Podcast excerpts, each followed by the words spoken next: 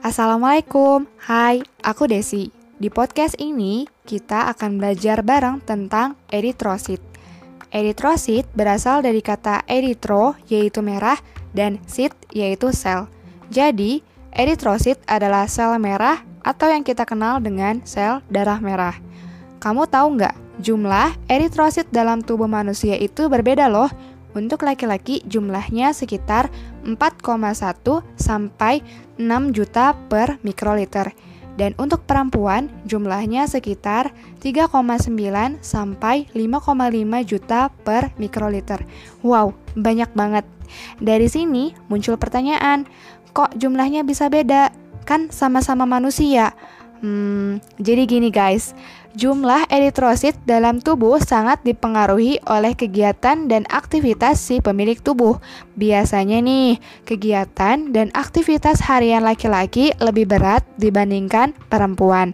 Sehingga kebutuhan oksigen dan nutrisi pada tubuh laki-laki lebih banyak. Ya, misalnya porsi makan. Eh, balik lagi ke jumlah eritrosit. Namun, tidak menutup kemungkinan jumlah eritrosit pada laki-laki dan perempuan bisa sama. Jika beban kegiatan dan aktivitas harian antara laki-laki dan perempuan juga sama, eritrosit diproduksi di dalam tubuh, tepatnya di sumsum -sum tulang merah. Produksi eritrosit itu sekitar 2 juta per detik. Wow, nggak salah dengar nih. Enggak, memang harus seperti ini karena pemecahan eritrosit di tubuh manusia itu juga cepat.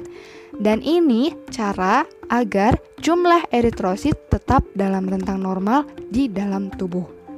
Karena umur eritrosit itu sekitar 120 hari atau 4 bulan doang guys. Setelahnya, sel yang sudah tua dan rusak akan dipecah di organ limpa dan diganti dengan sel eritrosit yang baru.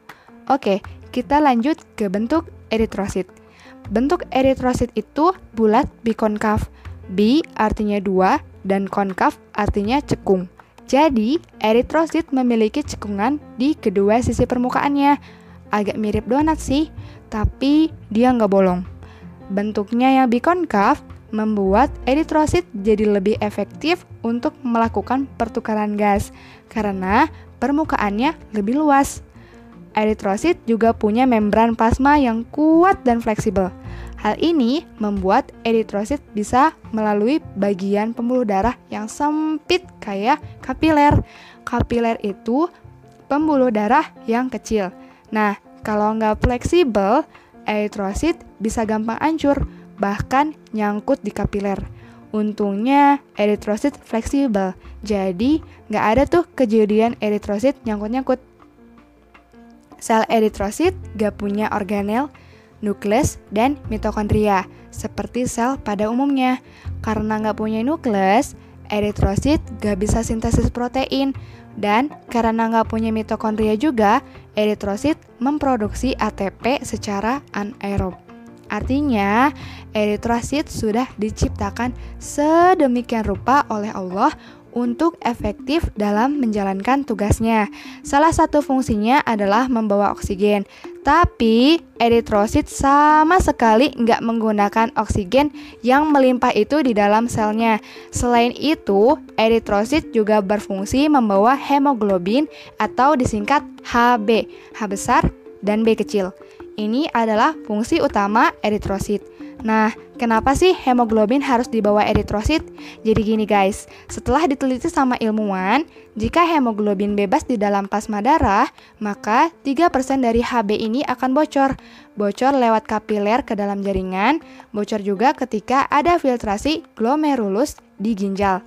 Maka dari itu, hemoglobin harus banget dibawa dalam eritrosit agar kerjanya efektif. Sitosol eritrosit mengandung hemoglobin. Nah, berapa banyak sih hemoglobin dalam satu sel eritrosit?